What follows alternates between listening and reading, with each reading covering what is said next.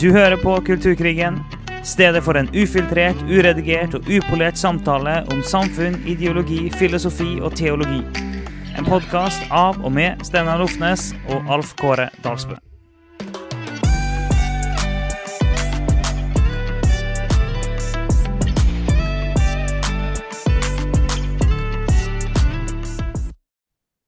Fordi at jeg aldri helt klarer å tenke gjennom hvordan jeg har lyst til å starte, så bare starter jeg sånn her nå. Det kan være at noen blir lei av det etter hvert, at jeg skal, skal starte på den måten, men sånn er det. Men du husker at vi har denne her faste greien.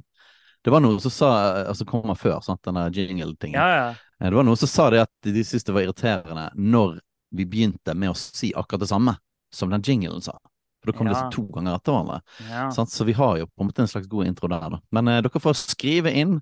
Uh, vi, du, du som har fulgt Kulturkrigen lenge, dere ser at vi strever med, med starten på, på liksom vi, ja, men der vi er du jo uenig, da. varianter. Jo, men jeg syns det er helt greit. Eh, Det, men, men jeg, jeg kan du tvilte nå på din, din, din variant her nå, da. Så vi, vi har ikke liksom helt funnet formatet. jeg, jeg tvilte ikke på min variant, jeg tvilte på om, om folk er fornøyd med min variant. Men Ja, jeg, jeg, jeg er fornøyd med min variant, men jeg er ikke overbevist om at lytterne er fornøyd med min variant. Nei, ok. Nei, men uh, gi oss gjerne innspill på liksom eh, Hvordan vil dere at Kulturkringen skal starte etter jinglen har vært? liksom? Har dere noen eh, Hva foretrekker dere? Kanskje vi kan ha en avstemning en gang, hvis det er Ja, veldig stor bredde i svarene? Vi kan ha en avstemning på det. Det eh, men jeg kan si allerede nå at uansett hvor stort flertallet blir, orker jeg ikke en ferdigskripta begynnelse. Det, det er ingen av oss som orker det. Så det, Nei, det det, blir en rådgivende avstemning. Det er det Ja, vi kan men vi si. kan klare en mer liksom radiooppstart.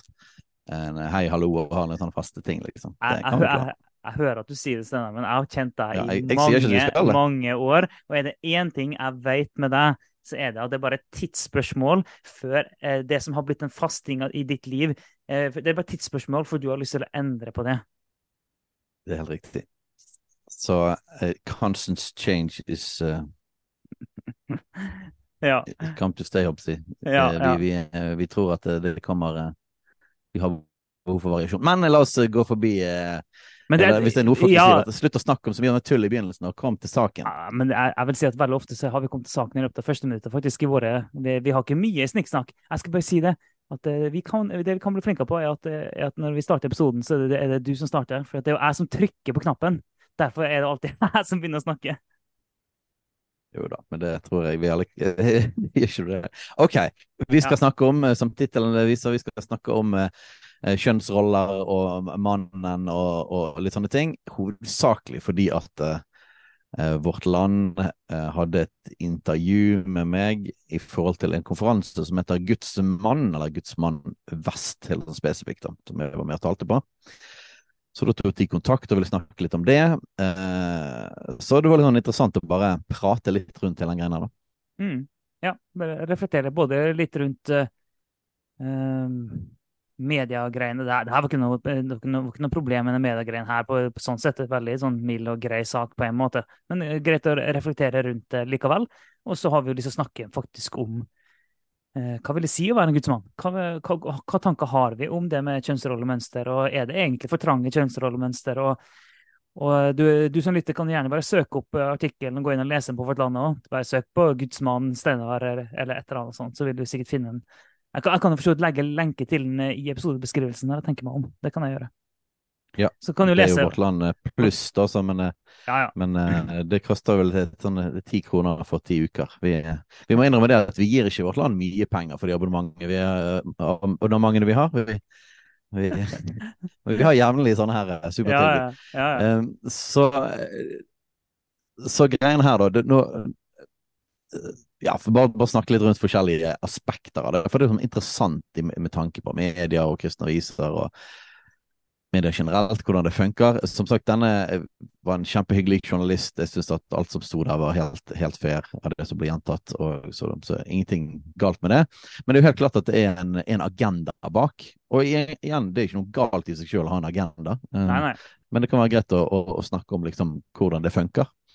Um, og så på forsiden her så, så er det da et bilde av meg, og så lager konferanse kun for menn, får kritikk for trange kjønnsroller, er det da overskriften som desken putter på. Det kan være greit for folk å vite òg at desken, altså de som setter opp sakene på framsiden av papiravis eller, eller, nettavis, det er helt andre folk enn uh, journalistene.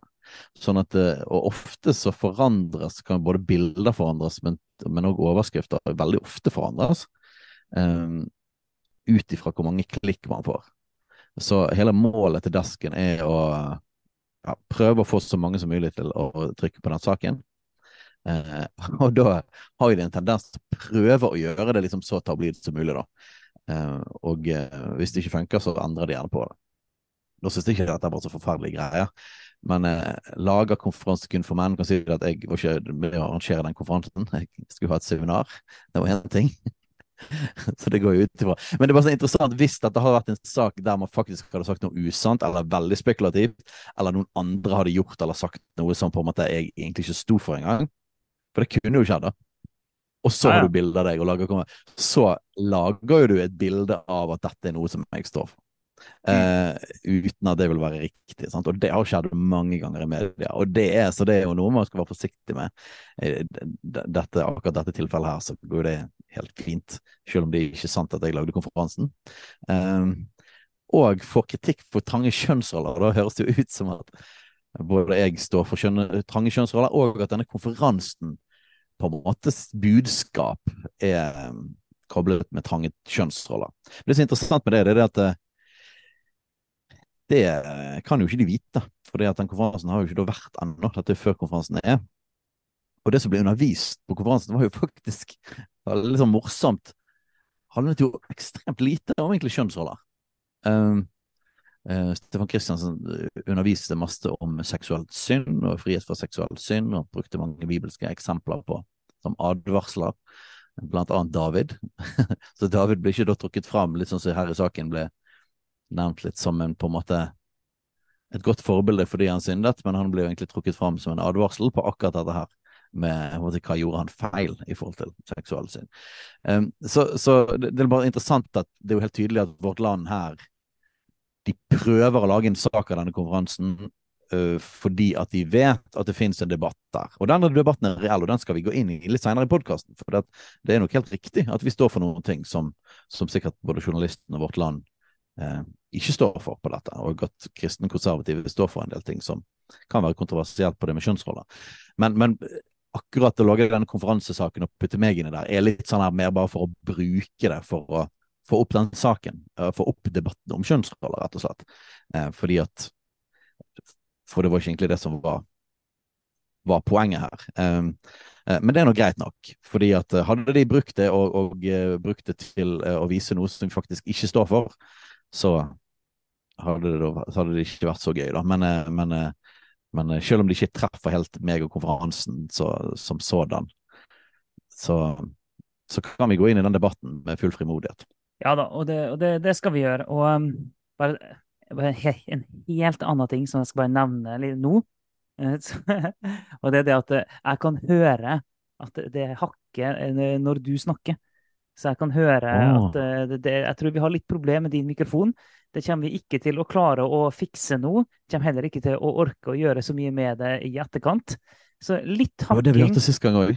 Ja, vi, vi, det, det, var litt sånn i forrige episode òg. Så vi har en jobb å gjøre med din mikrofon. Det innser jeg nå. Det får folk leve med i, i den forrige og denne episoden her. Så skal vi se hva vi kan gjøre til neste episode. Så da har jeg allerede bare gitt Å ha litt mer statisk på plass, og ser om det ja, det kan, være, det. det kan være enkle løsninger. Men da har vi iallfall adressert det, hvis noen har lagt merke til det. Men ja, det, og det er jo som du sier, sånn, vi, vi, er, vi, er, ikke ute etter å ta, å ta verken eh, Vårt Land eller journalistene eller den, den eh, MF-personen som uh, uttaler seg om, om, konferansen. Det er interessant å, å, bare reflektere litt om hele den dynamikken. For som du sa, at på eh, Vårt Lands side så står det å lage konferanse kun for menn, få kritikk for trange kjønnsroller. Men denne personen fra MF har jo ikke kritisert engang konferansen. Hvis du går inn og ser på slutten av artikkelen, det som hun eh, adresserer, så adresserer hun kjønnsroller generelt og det med å ha, det med å ha, å ha egne samlinger der en fokuserer på det. Det er det hun er skeptisk til. Og så, mener hun at det ikke finnes bare ett syn på menn i Bibelen. Det skal vi ta opp litt senere i episoden. akkurat det. Eh, så hun uttaler seg egentlig ikke om konferansen i det hele tatt. Og så er det desken da, som på framsida dra fram det. Lage konferanse kun for menn, får kritikk. Altså, nei, det, hvis du leser artikkelen, så var det jo aldri det som skjedde. Så det er egentlig veldig, veldig rart. Og, altså, vi vet jo at det her har skjedd. Og det her er jo langt ifra det, måte, det mest alvorlige som har skjedd i, i, media. Men det var interessant. Bare sånn, ja. Men hvorfor, hvorfor, gjøre det som er Hvorfor sette opp på den måten når det er helt åpenbart feil? En trenger bare å lese artikkelen sjøl. Altså, Være helt nøytral i saken. Men lese artikkelen, så ser en at det ikke stemmer. Jeg syns det er merkelig, egentlig. Ja, men sant, og, og, og, Derfor er det bare greit å vite. Dette blir et sånn mildt og greit eksempel. Superhyggelig eh, journalist.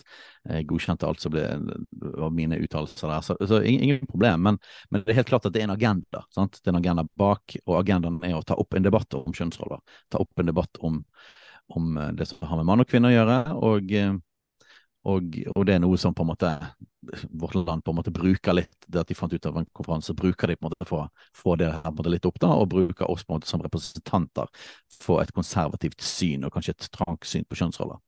Eh, og nok en gang, jeg tror jeg tenker at vi kunne hatt den konferansen, og egentlig innholdet av alt det der traff ikke egentlig det der i det hele tatt. Men eh, det de har rett i, er at hvis du bare plukker noen tilfeldige sånn konservative folk, f.eks. noen som har en podkast etter Kulturkrigen, så er sjansene rimelig store for at de har et annet syn på kjønnsroller enn det ja, de har. Ja, da. og sånn sett så treffer de. Men det er, litt sånn, det er, det er jo litt skummel business her, sant? Eh, men heldigvis så, så, fant de jo en eller annen som var såpass fundamentalistisk og ekstrem som meg, da, at Eh, som vi skal høre senere i episoden, faktisk tror at Bibelen eh, har noen ting å si om kjønnsroller. Så, men, så det er liksom, men det er bare interessant å, å, å snakke om akkurat det. da. Eh, kunne. Hadde det vært noen andre, så kunne de Jeg visste det på forhånd. Jeg vet at det, ok, det er greit for dere, for de som hører på, hvis, hvis du blir kontakta av journalister, hvis det, altså vit at det er, det, det er, greit å skjønne. Vi snakker om premissen som ligger under. og dette er litt det samme. Det, sånn der, det ligger noe bak her som er poenget. Og jeg mener det er en legitim debatt, akkurat som vårt land mener det er en legitim. Så, det er jo så på en måte, det er på en måte fair, for jeg kan godt være motdebattant på det. Det, det går helt fint. Ja. Um, men, men, hvis man ikke har tenkt å være det, eller lyst til å være det, eller bli brukt som et ansikt for noe, da, så er det jo ikke en smart ting å gå inn i. Men ja, fordi at jeg vet det var det, og jeg faktisk står for det, og jeg, jeg, kan godt være et ansikt for det, så er det helt greit, på en måte. Men uh, ja. ja og, um, jeg syns det, det er for så vidt helt fair at en avis forsøker å få i gang en debatt òg. Eh, det, det har, jeg har ingen problem med noen som forsøker å få i gang en debatt, eh, så lenge det er en debatt om, eh, om ting som folk faktisk står for, da, at ting, ting blir framstilt riktig. Er, ja. og, og, hvis du går inn på kjernen av det vi står for, Altså, eh, hva, hva, vil det si å være en gudsmann, og finnes det, eh, har Bibelen noe å si om noe kjønnsrollemønster osv., så, videre. så kan vi helt sikkert snakke om ting som andre folk er uenig i, og den debatten kan vi gjerne ta, ingen problem. Men i forhold til konferansen her, så blir det jo litt sånn rart når det som blir forkynt på konferansen, er uh, vær en mann som ikke lever i seksuell synd, vær en mann som er til stede i familien, som er far for dine barn. Uh, det er en sånn mann som du skal være hvis du har lyst til å være en gudsmann.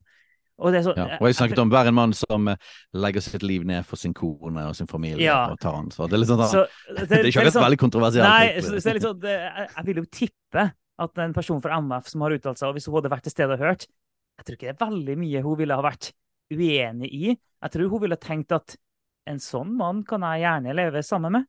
Det er en mann som legger ned sitt liv for meg og familien og vil være involvert og til stede for barnet og ikke har lyst til å leve i seksuell synd og har lyst til å rette all sin seksuelle kraft inn mot meg. Altså, Jeg tror de fleste damene ville ha likt det. Jeg, jeg, jeg tror ingen ville oppleve det som noe så veldig sånn trangt eller, eller sjåvinistisk eller noe sånt. Men, men. Greit nok. Og, og, og, og, for å være fair, det, det kom jo også fram i intervjuet.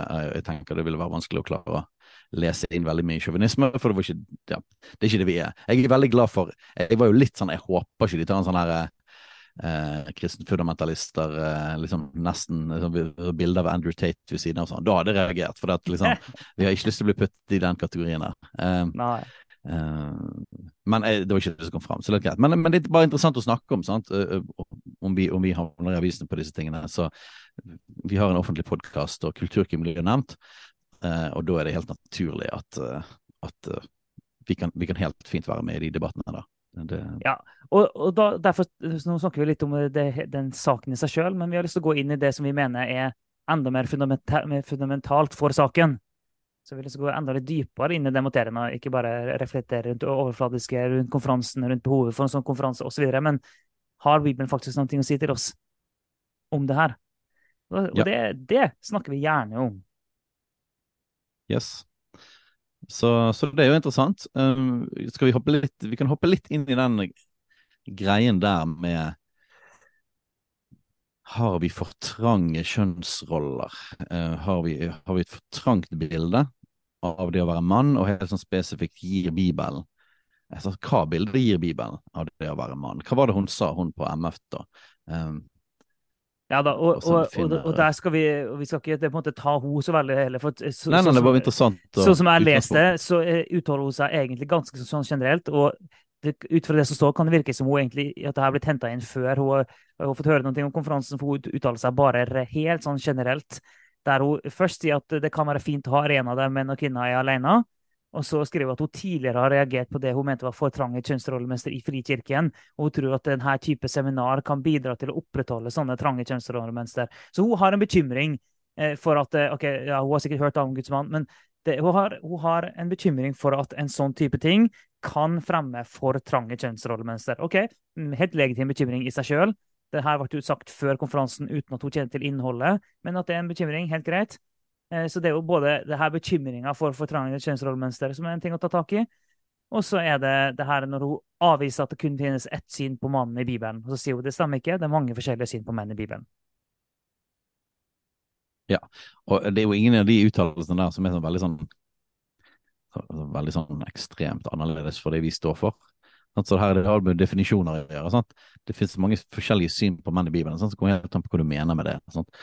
Vi vil jo eh, vi, vi vil være helt enige med at det finnes veldig mange forskjellige menn i Bibelen som er forskjellige. Ja. Eh, og, og dermed kan man si at det ikke finnes noe sånt supertrangt eh, mønster. Men så på andre siden så vil vi si at ja, men det finnes samtidig en, en, en rød tråd, et, eh, bilder av menn og kvinner. Det er ikke, det er ikke totalt glidende eh, at det ikke er forskjell på mann og kvinner i Bibelen og i forhold til roller. Altså, vi, vi kan jo si sånn at eh, Bibelen gir oss ikke et trangt kjønnsrollemønster, men Bibelen gir oss et kjønnsrollemønster. Sånn at vi, vi, er, vi er bare ikke enige at det er trangt, men vi mener definitivt at Bibelen gir oss noen veldig klare rammer for hva det vil si å være mann, og for hva det vil si å være kvinne. De rammene er tydelige, og dem gir Bibelen oss. Men så gir Bibelen oss et sånn betydelig hva skal jeg si, handlingsrom og en betydelig variasjon innenfor de rammene. Noe som egentlig er hele den skal jeg si, det er hele historien om mennesket sånn som Gud har skapt oss. Men at Gud har og det her gjelder ikke bare kjønnsrollemønster, det gjelder egentlig alle deler av vårt liv som kristne, og som, ikke bare som kristne, som mennesker. Som en del av skaperverket, så har Gud gitt oss noen krystallklare rammer. Så gir han oss mye frihet innenfor rammene, og problemene dukker alltid opp når vi går utafor rammene. Det er da problemene dukker opp. Men innenfor Guds gode rammer så er det godt å leve, og der er det variasjon, og der er det plass til alle. Og der mener vi at det er, det er stort nok rom til at det kan romme alle innenfor de rammene. Det er jo det vi mener. Litt sånn enkelt sagt. Ja, Så vi kan jo litt sånn eh, småsystematisk gå gjennom litt sånn hva, hva, er det vi, hva er det vi mener da om mann og kvinne. Um, og, og det vi har tatt mange ganger, det er jo det som har med biologien å gjøre. At eh, det finnes en forskjell på mann og kvinne. Vi er skapt biologisk forskjellig. eh, med store, store forskjeller. Og vi trenger ikke gå for dypt inn i det nå, vi har snakket mer om det andre ganger òg. Men vi må bare etablere det først, da. For det, det blir på en måte i motsetning til De kan vel være de sånn seinere eh, forsøkene på å dekonstruere dette med mann og kvinne. Eh, så er det på en måte å gå helt ned til om, om, om det finnes to kjønn i det hele tatt. Og det er sånn blurry der, da, hva, hva kjønn betyr. I USA så har man eh, begrepene både sex og gender, og eh, i Norge har vi sier vi egentlig bare kjønn, og så, og så teknisk sett har vi noe som heter sosialt kjønn og juridisk kjønn òg. Um, der på en måte man kan da være motsatt sosialt og juridisk kjønn av biologisk kjønn og litt sånn sett. Men, men inni hele den debatten så går man egentlig ganske langt på å ikke egentlig skille mellom biologisk kjønn heller. Uh, så på en måte det er liksom den siste varianten av det vi kan kalle dekonstruksjon av kjønn, da. Um, men så hvis du skal gå videre derfra, så, så, så ok, Bibelen er tydelig der. Det er to, det er to kjønn biologisk. Så må vi da snakke om er det, er det psykologisk forskjell på mann og kvinne. Er det noe inni oss, inni hjernen vår, eller inni måten vi vi oppfører oss på som er annerledes, og, og hvor mye av det er da sosialt konstruert eller kulturelt, eh, og hvor mye av dette er faktisk koblet på biologien. At vi er enten biologien eller på en måte bare det at identiteten At, vi er skapt forskjellig. At det, måte, det, er noe grunnleggende indre forskjellig for oss når vi blir født, eh, eller unnfanget. Og så videre ut fra det så kan vi snakke om kjønnsroller. Så det er sånn tre nivåer av dette. Biologisk forskjell på mann og kvinne. Psykologisk eller på en måte oppførselsforskjell, i hvor stor grad finnes det?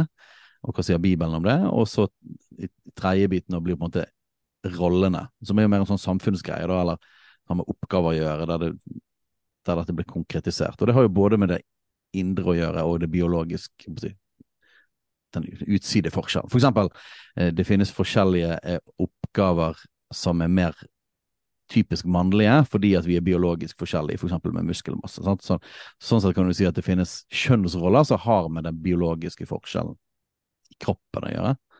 Men så finnes det òg forskjellige roller. For eksempel, det finnes, finnes det en forskjell i, i den indre driven, for eksempel til konkurranse.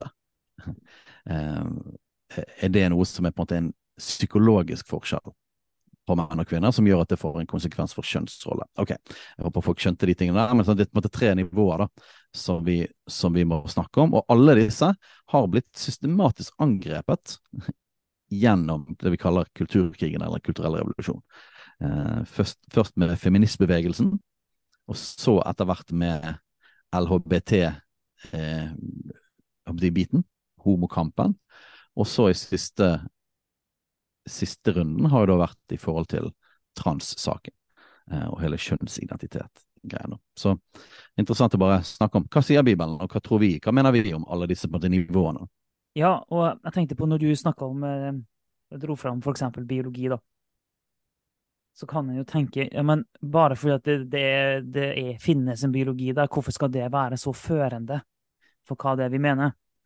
Og Da vil du dra det tilbake til eh, sånn, det, eh, det, vanskelige ordet for det er jo teleologi. Eh, men det, det, handler om at det handler om hensikt. Det handler om formål. Hva er, liksom, hva er formålet, hva er hensikten med det skapte? Eller med det vi ser på? Og da, så og poenget er at ved å se på hvordan ting fungerer, så forteller det oss noe om hensikten til det vi ser på. Så når vi ser på mennesket, så ser vi hvordan Gud har skapt mennesket, og det sier noe om hensikten til mennesket. For Gud har skapt mennesket på en gitt måte for en hensikt. Og så tar vi det enda videre, så ser vi at Gud har skapt mennesket som to kjønn. Han har skapt kvinnen på en spesifikk måte av en grunn, med en hensikt. Han har skapt mannen på en spesifikk måte av en grunn, med en hensikt. Dermed er det faktisk sånn at sånn som Gud har skapt oss, med vår biologi, med vår psykologi, det er faktisk med å fortelle oss noen ting om Guds vilje for oss. Det er med å sette rammer for oss. For en kristen tror at Gud har skapt mennesket. Så Gud har jo skapt de biologiske prosessene. Gud har skapt de biologiske rammene. Det er alle biologiske forutsetninger. Det er Gud som står bak. Så det, da, det, det, det, det, det vi står for. Så Dermed så setter det ganske tydelige rammer, ganske sånn tydelig retning og føring for hva det er vi har å si da, om mann og kvinne. Og da er det jo den, den, den, enkleste tingen å peke på er jo naturligvis eh, det å, å, bære fram et barn, bli gravid. det er en av de enkleste tingene å peke på. Kvinnen kan bære fram et barn, kan skape et barn. Ikke alene, og det å fortelle noe om Guds hensikt. Men kvinnen bærer fram et barn, først i magen i ni måneder, deretter utapå på magen, holdt jeg på å si, på brystet. I lang tid. Og den ungen er klinga til mora i lang, lang tid etterpå. Og ser du i dyreriket, så ser du at du, så vidt jeg vet, det er iallfall veldig sjelden, men så vidt jeg vet, så det, finnes det ingen arter på jorda der avkommet eh, må være under eh, mors og fars omsorg så lenge som det et menneskebarn må være. Og igjen, Gud har skapt det sånn av en grunn. Det er en grunn til at det er sånn. Og, vi kan gå inn på mange ulike ting eh, som viser det her, men det er bare for å ta det som et eksempel. Ok, Men har det da noen ting å si? Tror vi at det er en grunn til at Gud har skapt det sånn? Ja. Og så kan vi brette ut det her bare mer og mer og mer. og mer. Da. Ja, det er en interessant ting i skapelsesfortellingen. Vi vi går jo hele tiden tilbake igjen til det der når vi snakker om dette. og det, er det at For hver ting Gud skapte, så sa han at han så at det var godt. At han på en måte erklærte at dette er bra. da. Eh, så vi tror at det både har en hensikt, og at det er positivt. Og det ligger som en slags sånn rød tråd gjennom hele tiden. At forskjellen tror vi er positive fordi de Gud skapte, og fordi at Gud sa det var godt. Eh, I motsetning til at forskjeller i kulturkrigen blir, blir eh, problematisert, og at forskjeller og forskjell i seg sjøl lett på en måte tenkes om som undertrykkende. Um, sant, og Hvis du tar liksom det marxistiske idealet om, om, om, at alt skal være likt, um, og da hovedsakelig økonomisk, men på en måte likhet er et ideal. Jeg har du for så vidt òg i den franske revolusjonen, om likhet. Um, så er det ofte utfordrende for venstresiden å tenke at forskjeller kan være positivt på noen som helst måte. Og det, det kan nesten bre seg til alt sammen. Altså ikke bare det økonomi, men òg kjønnsroller og alt mulig, egentlig. Eh, så, så, og, der kommer vi fra et helt annet sted. Vi tror faktisk at forskjeller, eller så sant det er Gud som har skapt de, da Ikke alle forskjeller som er gode i seg sjøl, men hvis det er gudskapte forskjeller, så tror vi at det er faktisk er positivt. Det er ikke undertrykkende, det er ikke negativt. Eh, så det, så det, gjør at vi har et veldig annerledes utgangspunkt. Der, der, hvis du kommer fra en litt sånn venstreside virkelighetsforståelse, så vil man se på alt eh, med sånne briller av at forskjell er suspekt, eh, og at eh, mest sannsynlig så er forskjellene skapt på grunn av at noen søkte makt. Noen sterke prøvde å ha makt over noen svake, eller noe sånt, som det, og da står vi på de svake side og kjemper mot denne forskjellen. Så, så, så, så her har vi sånn veldig forskjellige utgangspunkt, og teleologien er jo dette her. Eh, med at vi tror at Gud har skapt ting med en hensikt. Så vi tror det er både godt, og det har en hensikt, det har en praktisk betydning, det har en mening. Og derav så er ikke vi skeptiske til forskjellige kjønnsroller i utgangspunktet. Mm. Um, fordi at bare det eksempelet du tar fram i forhold til kvinnen, det, i forhold til fødsel av barn, det får jo ganske store konsekvenser. Um, for å hoppe rett inn i det, da. Um, når du får barn, og nå skal vi huske det at det er bare siden ca. 70-tallet at vi har kunnet kontrollere så effektivt når vi får barna. Gjennom resten av historien så har man hatt mye mindre kontroll på det. Eh, og det har som oftest i alle kulturer, inklusiv i Norge i gamle dager, så har det vært et mål å få så mange barn som mulig.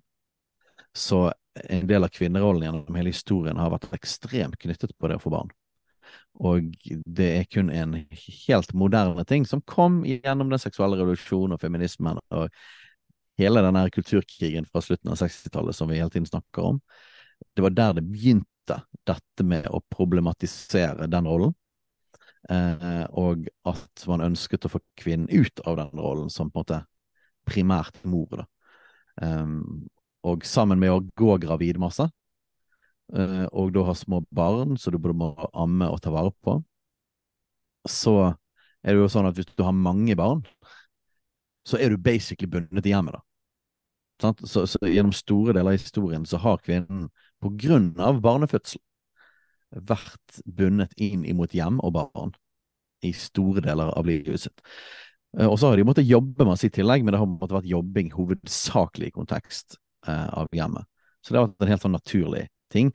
Så på slutten av, av 60-tallet, inn mot 70-tallet, med den seksuelle revolusjonen, med endring i forståelse av kjønnsroller, eh, og med, med, hele prevensjonstingen, så har dette forandret seg radikalt.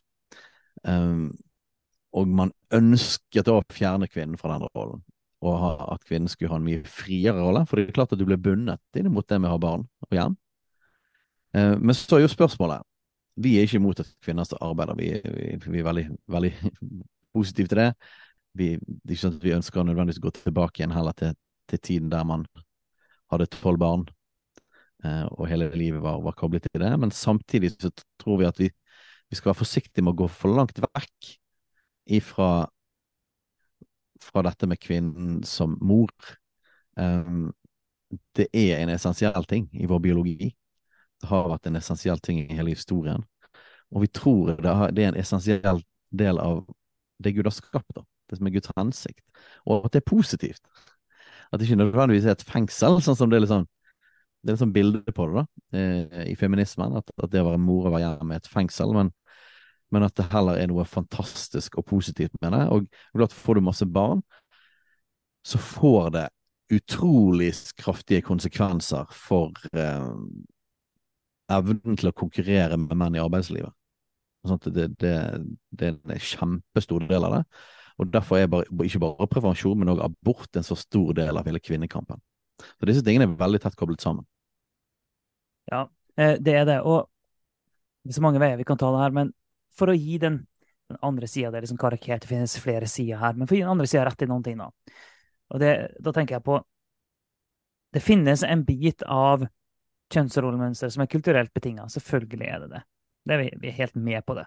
Og hvis du går langt nok bak i tid, da, med det du beskriver med eh, både situasjonen i samfunnet på den tida, situasjonen i familien, ok, for mange barn, og en hadde ikke, en hadde ikke um, barnehage osv. En del ulike sånne typer faktorer som gjorde det sånn at, at, det var både at kvinnen gikk gravid veldig mye, og dermed naturlig hadde masse barn rundt seg, hele pakken der. Det satte en del um, hva skal jeg si, rammer rundt det livet som gjør at okay, det, det var det som var rollen. Og så er det sant at samfunnet har forandra seg. sånn at Det er ikke sånn at kvinnen lenger må bruke hele sitt liv på å få hjemme og hus til å gå rundt. Det, det er ikke lenger på den måten. Og det er ikke engang galt i seg sjøl.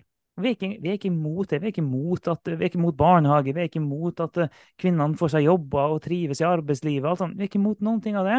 Og det er helt naturlig at de bruker mindre, en, en mindre andel av sitt liv på å oppdra småbarn når de har tre barn og ikke tolv. Det er helt naturlig. Men Eller 1,6 som er gjennomsnittet i dag. ja, ja. Så, eh, så der, der, finnes det en del kulturelt betinga ting som har, som har påvirka kjønnsrollemønsteret for kvinnen, som ikke er liksom direkte bibelsk sånn sett. Bibelen sier ikke at det måtte være på akkurat den måten. Så vi er helt med på at det finnes en variasjon her, og, det, og, at, og at det kan være endringer i det som er helt uproblematisk. Men det som er problematisk, er hvis den, som du sa, hvis en går for langt bort fra det, hvis den går, går utafor de rammene som Gud har satt. Og vi, vi kan jo etter hvert snakke litt mer om, om han nå, da, for nå eh, sier vi er menn. Men en, en ramme som en, en, en, ikke kommer unna som kvinne, er jo nettopp det med å være mor, på akkurat samme måte som en mann kommer ikke unna hva det vil si å være far. Og Det gjelder begge to. Så vi, kan, vi skal snakke mer om det, både far og mann, etter hvert. Men det er en sånn ramme vi ikke kommer bort ifra. Og at det at Gud har skapt kvinnen til å bære fram et barn og til å ta vare på det barnet det første året, første to årene, første tre årene, det varierer litt hvor de har gjort det. Men at, at kvinnen tar, er hovedomsorgspersonen i begynnelsen etterpå. Gud har skapt det sånn. Og det, det er farlig, rett og slett, hvis vi prøver å komme oss unna det og prøver å ødelegge de rammene som Gud har skapt. Ja, og de tingene som Hvis vi skal ta noe av tingene som som har endret på det, da, så er noe av det teknologien, altså prevensjon, for eksempel. Um, noe er på en måte økonomiske forutsetninger i samfunnet, både, både velferdsstat, men på en måte at økonomien er annerledes satt opp, sånn at det ikke er sånn at man får barn for å ta vare på seg sjøl, for eksempel, eh, som eldre. Um, og, og, som vi katolikker vil jo se prevensjonsbitene på en måte gal i seg sjøl, vi er ikke der. Um, men, men, prevensjonen har likevel en fare med seg at vi tenker at vi er mer på en måte herre over liv og død enn en kanskje er godt. Uh, og at i prevensjon i seg sjøl så er det på en måte det er et eller annet vi gjør der at vi på en måte oppjusterer element av sex som handler om nytelse, og nedjustere element av sex som handler om mm. barn. Mm. Sånn? Så I biologien i seg sjøl er det sånn at vi får ikke barn uansett om man har sex. Eh, og det er et nytelsesaspekt i forhold til sex som Gud har satt inn der. Sånn som vi snakker om skaperordning her, da, sånn som hensikt. Men, men, prevensjon tar jo, på en måte pusher jo de grensene likevel. Sånn man kunne jo sikkert tidligere òg finne ut av på en måte menstruasjonssykluser og forskjellige sånne ting som det der. Um, men, men, prevensjon pusher likevel den greiene med på en måte oppjustere eh, på en måte at sex handler kun om nytelse. eh, og på en måte du tar ned det med barn, og på den måten gjør det lettere med, med sex uten forpliktelser, uten familie, f.eks. Så prevensjon er ikke uproblematisk. Eh, det spiller inn i hele dette bildet her. Og så har du abort, og det har vi snakket om før. Det er definitivt kjempeproblematisk. Men det kommer som en del, altså det er en sterk del av den seksuelle revolusjonen og feminismen, eh, og det som har med kjønnsroller det òg. For, for, det handler om på en måte at man tenker at det er, det er, så negativt for kvinnen, og på en måte måtte bære det ansvaret av å både være gravid, føde og å ta vare på dette barnet, at det på en måte spiller kvinnen ut uh, på, på sidelinjen når det gjelder konkurransen i arbeids, arbeidslivet. Uh, og derfor har kvinnebevegelsen vært så på en måte ram på det med abort. Uh, og, og den, den er kjempeproblematisk, både fordi at måte hele synet på at liksom, det viktigste av alt er at damen da kommer ut og konkurrerer i arbeidslivet, det bryter med en kristen forståelse, vil jeg si. Um, vi tror på at det òg er bra, men hvis vi skal rangere de tingene, vil vi si at, at være mor er viktigere. Um, og selvfølgelig, når du snakker om drap av spedbarn, så kan vi ikke akseptere det uansett. Så, og, og, så er det på en måte angrepet på hele familieinstitusjonen. Uh, på en måte familien som institusjon for hvor du får barn, det med å være alenemødre eller eh, alle mulige slags familiekonstellasjoner, det er jo òg en del av dette bildet her, og der har vi snakket tydelig om det før. At, at, vi tror at kjernefamilien, mann, kvinne, og de skal være fruktbare og bli mange og få barn, det er på en måte Guds design. Så alle ting som bryter med det, vil vi tenke at liksom ikke, det er ikke Guds hensikt. Så det er en del av bildet. Og så kan du se barnehager, som du sa, at vi er ikke imot barnehager. Nei, vi er ikke imot barnehager. Eh, men det er klart at, at venstresiden og feminismen har òg brukt barnehager som en del av dette, denne kampen. Eh, på samme måte som prevensjon og abort blir brukt. Så utbygging av barnehager har alltid vært en venstreside Uh, full barnehagedekning, det var vel når SV var i regjering. Det var liksom primære, primærsaken for Kristin Halvorsen. Så, og, og, det handler om Det er ikke bare liksom ja, det er bra fint med barnehage. Nei, det handler om kvinnesak. Det handler om kvinnene ute i mm. arbeidet. At kvinnene ikke skal være bundet i familien. Og nok en gang, vi er ikke imot det. Det, det er masse velsignelse med barnehage. Vi har selv hatt barna i barnehage. Men sånn som jeg tror vi kan jeg tror veldig mange kristne vil kjenne seg igjen i konservative kristne vil kjenne eh, seg igjen i at nei, vi er ikke imot barnehage, men vi har en større skepsis til barnehage enn typ eh, en feminist vil ha. Fordi at vi verdsetter så høyt det som har med morens kontakt med barnet, kjernefamilien, og vi verdsetter ikke like høyt, og vi verdsetter ikke over det at kvinnen skal måtte komme ut i arbeidslivet så fort som mulig. Så, sånn at vi, vi, ofte får ta barna seinere inn i barnehage. Vi har ofte en verdi for at ikke at en av foreldrene ikke jobber fullt, f.eks. At, at, at det er nok mye flere konservative kristne der kvinnen er en deltidsstilling, f.eks., og det har med et verdisyn å gjøre. Sånn at, sånn at ja, barnehage er ikke galt, litt sånn som, litt sånn som prevensjon. Mm. Men, men, det var verdigreien bak, så ligger det likevel en ideologisk kamp, da. Der en konservativ kristen, i motsetning til en feminist, vil på en måte Vi vil oppjustere familiebiten, jf. KrF og eh, kontantstøtte. Der feministene over venstresiden vil oppjustere det som har med det offentlige barnehage og sånn, for å få kvinner ut til å arbeide. Ja, og det, det er for så vidt en god beskrivelse av hvordan vi hele tida prøver å tenke på alle mulige ting, egentlig. Eh, for at, ok, som du sier, vi er ikke imot prevensjon, men det er ikke uproblematisk. Vi er ikke imot barnehage, men det er ikke uproblematisk. Og så er, er det noen grunner da, til at det, vi vil holde oppe det at det er ikke uproblematisk. For spørsmålet er hva gjør det her? Hva gjør prevensjon? Hva gjør barnehage og andre ting? Hva gjør det med vårt syn på barn? Hva gjør det med vårt syn på familie? Hva gjør det med vårt syn på jobb og karriere? Hva gjør det med vårt syn på osv. osv.? Og det er der da, at De tingene som vi snakker om akkurat her, spesifikt barnehageprevensjon Hva påvirkning har de her tingene her på hvordan vi ser på verden som Gud har skapt? Hvordan vi ser på de rammene som Gud har gitt oss? Så hvis de her tingene som ikke i seg sjøl er um, Som vi i, i seg sjøl ikke er imot, men hvis de tingene begynner å forme vårt syn på verden på en sånn måte at vårt syn på verden krasjer med, det, med den verden Gud har skapt, det er da det begynner å bli et problem. Og hvis prevensjon gjør at vi eh,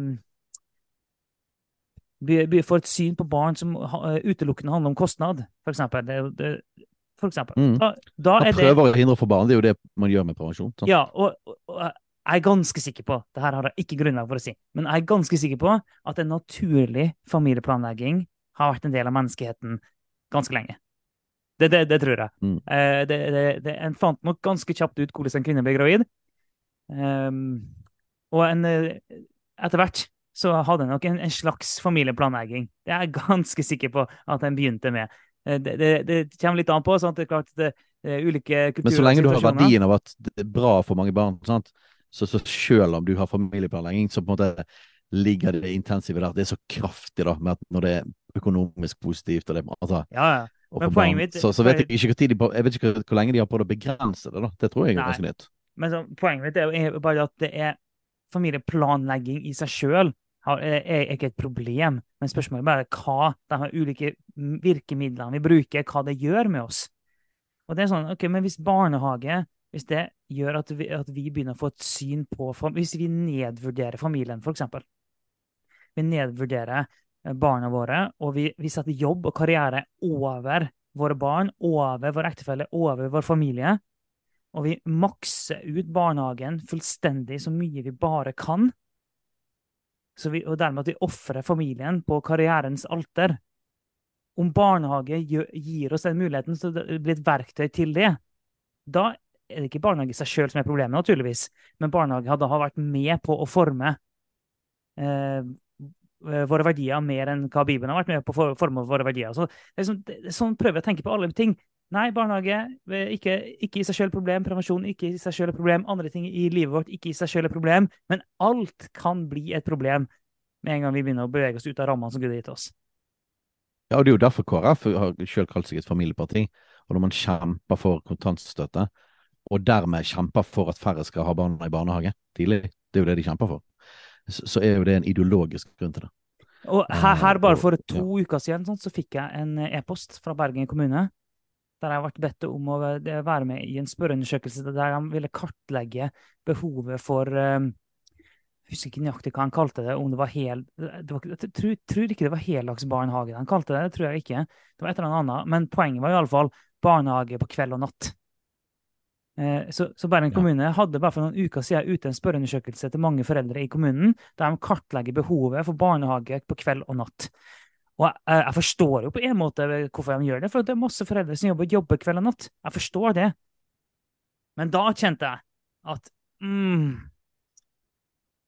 Det Jeg har vanskelig for å gå god for en situasjon hvor en begynner å putte ungene på en institusjon på kveld og natt. Altså, noen vil kanskje argumentere for at det er, er akkurat sånn som vi gjør på dagtid. Ja, Den sliter jeg med. Vi trenger ikke å gå mer inn i den, men det er bare et sånt eksempel. Jo, men, men det er interessant fordi at, fordi at, det er vanskelig for oss å sette i en teologisk nøyaktig grense for når blir barnehage galt. Mm. Men, men, det handler om problematiseringen av barnehage pga. teologi da, og ideologi i dette. Eh, og, og, det er en viktig sak. Og bare det som vi har vokst opp i og lever i nå, eh, med, med sånn, to foreldre i full jobb. Begge våre familier har det sånn. Mm. Eh, vi har brukt barnehage. Bare det ville være støtende for våre foreldre. Eh, mm. Så, og begge vi har kristne foreldre med på en måte tydelig sånne type familieverdier. Og jeg husker mamma og pappa snakket veldig bevisst om det. Og jeg vokste opp sjøl med at jeg ikke gikk i barnehage. Mamma var hjemme med meg. Jeg vet ikke mm. hvordan det var med deg, Alf Kåre. Jeg, jeg, jeg gikk ikke i barnehage. Ja. Da var det faktisk pappa som var, som var grunnen til at jeg ikke gikk i barnehage, faktisk. Ja, og jeg er ganske sikker på, jeg vet med mine foreldre, men jeg er ganske sikker på dine foreldre, og veldig mange andre eh, i mer si, vår generasjon, hvis du er 30-40, som, som, hadde kristne foreldre som bevisst ikke hadde barna i barnehage av familieverdier. Altså av egentlig forståelsen av skapelsen og at vi ikke tenker at karriere er så viktig, men at morsrollen er viktig, familie, kjernefamilien er viktig, eh, osv. Jeg husker mamma og pappa var ganske tydelig skeptisk til folk som på en måte sendte barna sine i barnehage klokken syv. Det var da nesten så de mente at det var barnemishandling. Eh, og vi har jo sjøl, bare da neste generasjon, har jo gått mye lenger i den retningen. Eh, så mye av dette er jo at vi er blitt vant med utviklingen i samfunnet. Der konservative kristne, ja, bare for en generasjon siden og to generasjoner siden, ville synes at det var ganske vanskelig at vi gikk så langt som oss. For de går utover familien. Så, går, så vi, mine foreldre valgte jo da en mindre levestandard, lavere levestandard, for ja. at vi skulle ha mer tid med familien. Det skal riktignok sies, da, bare for å ta den, at det var jo ikke full, full barnehagedekning, og barnehage var ekstremt mye dyrere på den tida der. Så det, Yes, det, vil, det er det, det er, det vil, eh, hadde vært Hadde de hatt samme tilbudet, samme muligheten, og til å bruke samme andel av inntekt på barnehage som det vi har i dag, så kan det godt være at enda flere hadde gjort det. Det skal selvfølgelig sies. Så det, Ja, det, rammene, eh, rammefaktorene var litt annerledes, da. Men man har jo rammefaktoren er jo annerledes fordi man systematisk har jobbet for det Mm. i det norske samfunnet av feminismen. Altså det, er derfor, altså det er en ideologisk begrunnelse til at vi har endret det- samfunnet, og ideologien, faktisk. Altså, nei, og eh, eh, vi har endret økonomien, faktisk, i, i, i landet vårt, basert på dette. Fordi at vi har gått over til en situasjon der det umulig kan overleve uten to fulle inntekter, eller Mm. tilnærmet. Eller det er ekstremt vanskelig å finne seg bolig, osv., osv. Som har, handler om at du har justert hele økonomien til at du ikke kan leve lenger sånn som man gjorde for en generasjon siden. Eh, og det, det er ideologisk eh, altså Det er av feminismen at vi, vi havnet i den situasjonen. Mm. Så, og det har jo ført til masse materiell velstand, eh, men det har ført til mindre tid med, med og Ja, det har det. Og igjen, det er ikke sånn at vi er imot alt.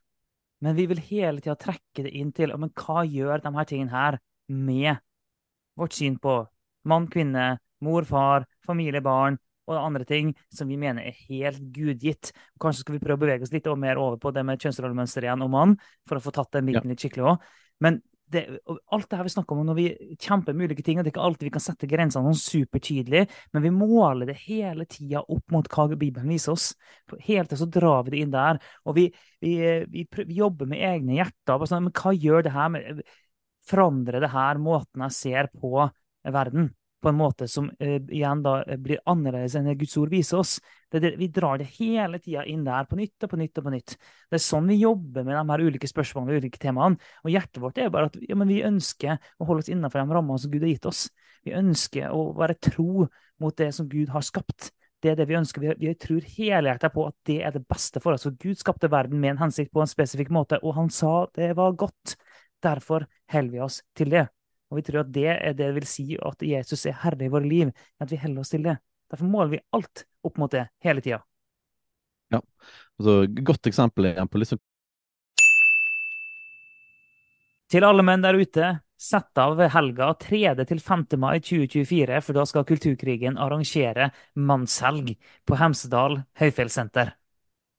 Da skal vi gå inn i eh, mannstematikk koblet til kulturkrigen. Altså, hvordan er det å være mann i denne krigen vi står i i samfunnet, og hva er faktisk vårt ansvar og vår rolle?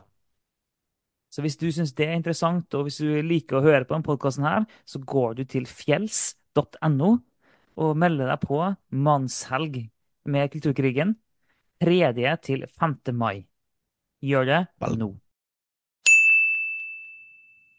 Hvordan vi jobber i denne podkasten. Jeg vil bare nevne før vi går over på mann og går litt videre i det med kjønnsroller, at jeg har nevnt feminismen og den kulturelle revolusjonen flere ganger, og det, det er helt riktig. Teknologiske forandringer er en stor del av det. Um, men vi skal ikke la liberalismen og kapitalismen slippe helt unna her heller. Så det finnes en, på en måte en venstreside ideologisk kamp for dette, som handler om å få kvinner ut i arbeid, som handler om en kamp mot tradisjonelle kjønnsrollemønstre, um, som handler om kamp mot ulikhet i økonomien mellom mann og kvinne, som er en kamp mot kjernefamilien, rett og slett. Og den har vært ideologisk og tydelig nå i mange tiår. Og den har en stor del av grunnen til alt dette. Abort er en stor del av grunnen. Men så finnes det en liberal og på en måte en markedsliberalistisk variant av dette òg, som har spilt sammen med dette. Eh, Og på en måte der kan du si at de kristne konservative måtte havne, havnet i midten, som de eneste som egentlig har kjempet kraftig for, for eh, kristne familieverdier i det. da. Um, og, og der er med argumentet eh, Man er på en måte ikke enig så mot kjønnsrollene, eller liksom, liksom Det er på en måte ikke det hovedbiten i det, eller at det er undertrykkelse og sånn, men, men man er veldig for um, friheten. Altså det skal være på en måte frihet for uh, menn og kvinner. Frihet for damen òg til å gjøre det hun vil, og, og så er det på en måte masse økonomiske fordeler, da. Eh, og markedsliberalismen på en måte pusher jo på den materialistiske siden av dette, som òg er en stor del av det. Veldig mange har jo da ikke valgt å ha to i jobb av, i, fordi at de er mot kristne kjønnsroller, men fordi at de vil ha mer penger. altså, Materialismen har rett og slett vært drivkraften bak det. Og dette har spilt sammen med mer sånn venstresideideologien. da. Sånn at på mange måter er det både den markedsliberalistiske siden og den mer sosialistiske og feministiske siden. Ja, så finnes det jo høyreside, sant, liberale feminister. Så måtte alle disse har måtte jobbet egentlig for den samme biten. da. For det er en fordel sant, der på en måte høyrefolk da ville sagt det at ja, vi er veldig for, for at kvinner skal ut i arbeid. Um, men vi, vi, tror på private barnehager òg. og vi har ikke noe imot at folk får profitt av å lage ha barnehage. Så vil på en måte den venstresiden si det at ja, vi vil ha masse barnehager, men, men det skal være statlige barnehager osv. Så, videre. så Så Men egentlig så har begge disse sidene jobbet sammen imot en kristen, tradisjonell forståelse av kjernefamilien. Eh, og, og, på mange måter har på en måte KrF i alle år stått ganske sånn alene på, på å snakke ja, familieparti og kjempe for disse sakene her. Eh, og har vunnet noen sånne bitte små biter, da, der kontantstøtte var, var en av de.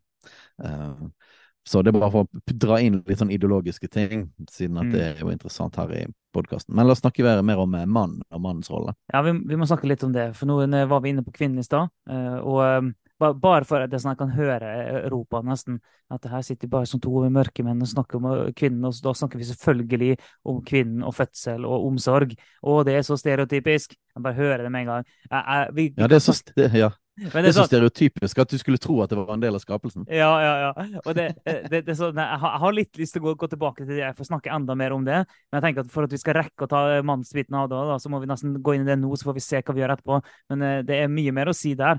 Men det La oss ta mannen, da. Og vi, vi begynte jo episoden med å snakke om eh, konferansen Guds mann. Og det her med at det, påstanden om at det, det, finnes ikke kun ett syn på mannen i Bibelen. Og, det, og, og da, som vi sa, eh, det finnes ulike Det finnes en variasjon i hvordan det ser ut å være mann, en mann i Guds bilde, kan du si. Det finnes en variasjon i det, men det er likevel innafor et sett av rammer. Og det er det settet av rammer vi er opptatt av. Og så tror vi at det finnes en variasjon og en frihet innenfor det. Til, så, så, vi tenker at ok, ja, det er, så finnes det ett syn på mannen. Ja, ja, i den forstand at det er noen rammer som Gud har gitt for mannen. På den måten finnes det kun ett syn på mannen. Finnes det kun én måte å være mann på i sitt uttrykk? Nei, det finnes, det finnes en stor variasjon i uttrykk på samme måte som det finnes en stor variasjon i personligheter av mennesker. Sånn det finnes en helt enorm variasjon i personligheter. Men det finnes en ramme for den personligheten å være innafor. Ja, og, og, nå hoppet vi litt inn i det med, med sånn, hva er for, biologiske forskjeller mellom mann og kvinne. Og så snakket vi om at kvinnen kan få barn, som er en sånn gigantisk stor ting som får veldig store konsekvenser ja, ja. på mange ting. Og det var det vi snakket om først. Um, men det kommer jo ut ifra det at ja, det finnes en biologisk forskjell fysisk, altså det vi kan se, da. Den biten av kroppen du kan se. Psykologien er jo òg på en måte biologisk. Men, men, eh, men, den fysiske biten som du kan se, gjør jo at vi har forskjellige kropper, og de kroppene er spesialisert inn imot forskjellige ting. Så du kan se, hvis du tar teleologien igjen, da, at vi skapt med en hensikt, og grunnen til at vi ser ut som vi ser ut, har, har en mening bak seg, og på en måte leder inn imot en kjønnsrolle etter hvert. Eh, så er ikke det bare det at kvinnen kan få barn, men det finnes jo veldig masse sånne biologiske forskjeller. For eksempel er kvinnen da som har mindre hår, har mindre muskelmasse eh, og er mykere, for eksempel. Og alle disse tingene passer helt fint inn imot det å både få barn og ta vare på barn, og inn imot omsorg. Så kroppen til kvinnen er spesialisert. Og da sier jeg ikke at kvinnen kun kan gjøre det, jeg bare sier det at vi kommer ikke utenom at kroppen til kvinnen er spesialisert inn imot omsorg av små barn. På samme måte så ser du at kroppen til mannen er ikke spesialisert uh, inn imot det. Um, og kroppen til mannen um, har da mye høyere muskelmasse, er mer kantete. Vi er mer stikkete. Det betyr at man eksempel er mindre følsom for kulde. Det kan jo bekrefte i praksis fra 20 år med bibelskole, så kan vi se eh, hvert eneste år hvem som syns det er for kaldt i klasserommet, og som ønsker ha tepper, og hvem som syns det er for varmt. Eh, så her er det en biologisk forskjell mellom menn og kvinner. Her er det variasjoner innenfor det, absolutt, men det er en helt tydelig rød tråd, og en gjennomsnittlig, veldig sånn tydelig og klar forskjell.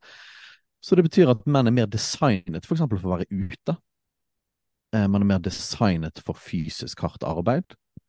Og i vår, vår tid så er vi så teknologiske og vi har så mye og mekaniske at, at, veldig mye av det er ikke det like viktig lenger. Eh, men i store deler av historien så har det vært en, en sånn kjempeviktig ting som har, som har, på en måte fordelt arbeidsoppgavene veldig naturlig. Eh, du ser liksom for deg et, et gammelt hus enten på prærien eller på, liksom i en eh, skrent på Vestlandet eh, for et par hundre år siden. Så det er helt klart det at hvis du har eh, da mange barn, som de fleste hadde, du har små barn, som de som oftest hadde, eh, så er mamma spesialisert for å være med de. Sant? Og vi må karikere dette for å få fram de biologiske forskjellene. Mens, mens, hvis en av de skulle være spesialisert til å hogge ned trær og, og bygge videre på huset, Eh, så er det helt klart at, at, det er mannen som er mest spesialisert for det. Og Derfor ser vi det gjennom alle kulturer gjennom hele historien, at når det gjelder de store fysiske jobbene, så har det hovedsakelig vært mannen som har gjort. Og når det har vært å ta vare på spesielt de små barna, så har det vært noe damen har gjort. Og det vil vi si at det ikke, ikke blir ikke sosialt konstruert hovedsakelig, men det er hovedsakelig noe som kommer ut fra fysiske, biologiske forskjeller som naturlig fordelte en del arbeid. Og så vil det være masse overlapp der. Og det er ingenting som er galt i det, at nei, nå er det galt at mamma går ut og hogger ned treet, liksom. Nei, det er absolutt. Og det ingen som sier at det er galt at pappa er nå inne og, og, passer på barna. Men det har vært en veldig sånn logisk arbeidsfordeling i, i arbeid og i familien gjennom hundrevis og faktisk tusenvis av år i alle mulige slags kulturer. Så det kommer ikke fra ingen sted, sant. Og, og det er liksom bare noen eksempler på den fysiske forskjellen, det er mange andre, men, men dette er òg en, en ting som berører psykologien. Fordi at, fordi at kjønnshormonene f.eks. påvirker psykologien vår kjempemasse.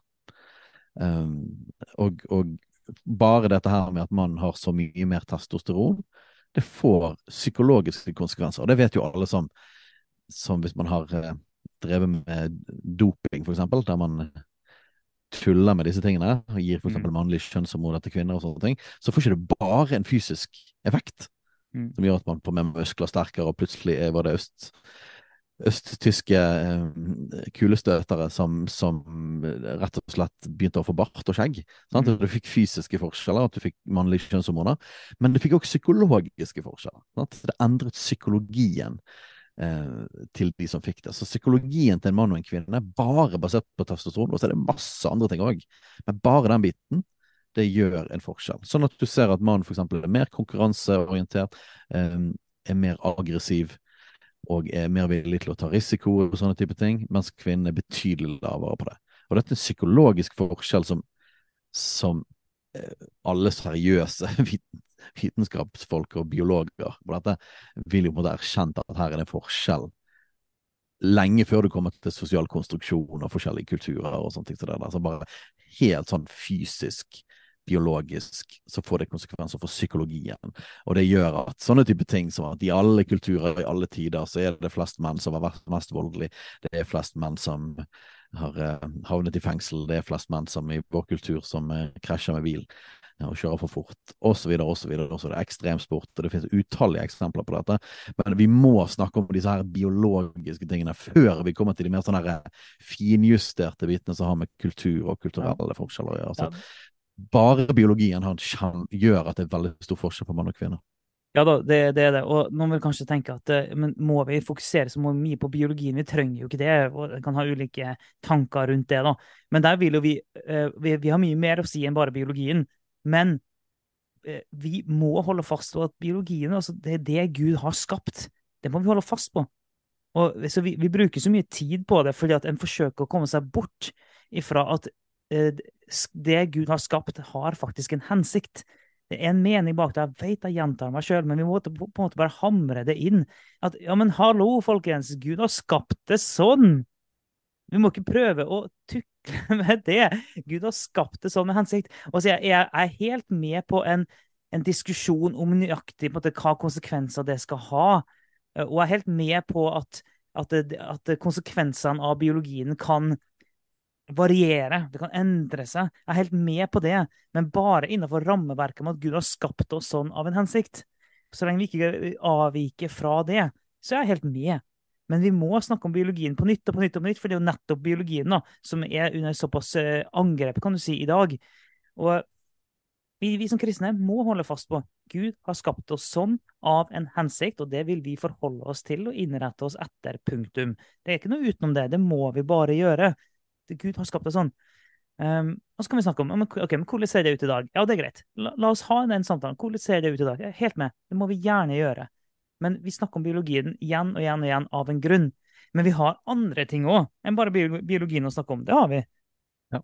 Men vi må ta utgangspunkt der. Sant? Og vi kan på en måte ikke Hvis man hopper over den fysiske og psykologiske forskjellen på mann og kvinne ut fra biologien, hvis man bare hopper over det og kun snakker om kjønnsroller, så, så har du på en måte du har utelatt en så gigantisk stor del av det, og vil, man vil da tenke det at vi kan styre dette som vi vil. At vi på en måte er ja, blank slate, da, at vi er på en måte uten et utgangspunkt. Og at dette kan vi styre helt som vi vil, og at personlighet er bare liksom helt liksom, Det er bare som et blankt lerret, og det finnes ingen forskjell. Og det er totalt glidende greier på, på mann og kvinne. Og det, det, er farlig med det, det er alltid farlig med ideologier som dramatisk vil prøve å endre på hvordan vi er skapt, altså hvordan vi er, mm. vi er skrudd sammen. Du må etter hvert bruke såpass mye makt for å tvinge det på en måte mot, mot hvordan vi er. Sant? Det er som å putte liksom en sånn stjerneform inn i en rund form, eh, mm. eh, i sånn her baby, babyleke. Og, og, og, derfor må vi snakke om at, at uh, fysisk og psykologisk så finnes det en del utgangspunkt som vi bare ikke kan hoppe over. Vi kan ikke løpe fra det. Ja, og så betyr det fortsatt at det finnes eh, eh, rom her. Det betyr ikke det at vi må gjøre kjønnsrollene for strange likevel. Ja, det finnes variasjoner, det finnes, men vi, det finnes noen byggeblokker som vi må ha i bunn. Og, og, i vår kultur så prøver man å hoppe over disse her byggeblokkene. Vi prøver å late som at ikke de fins. Og vi faktisk helt strategisk lager kjønnsroller som som faktisk strider imot gjennomsnittet av hvordan mennesker er. Og strider imot gjennomsnittet ikke bare liksom eh, fordi at kulturen har vært sånn, men fordi at vi faktisk er sånn. Altså vi biologisk og psykologisk er sånn.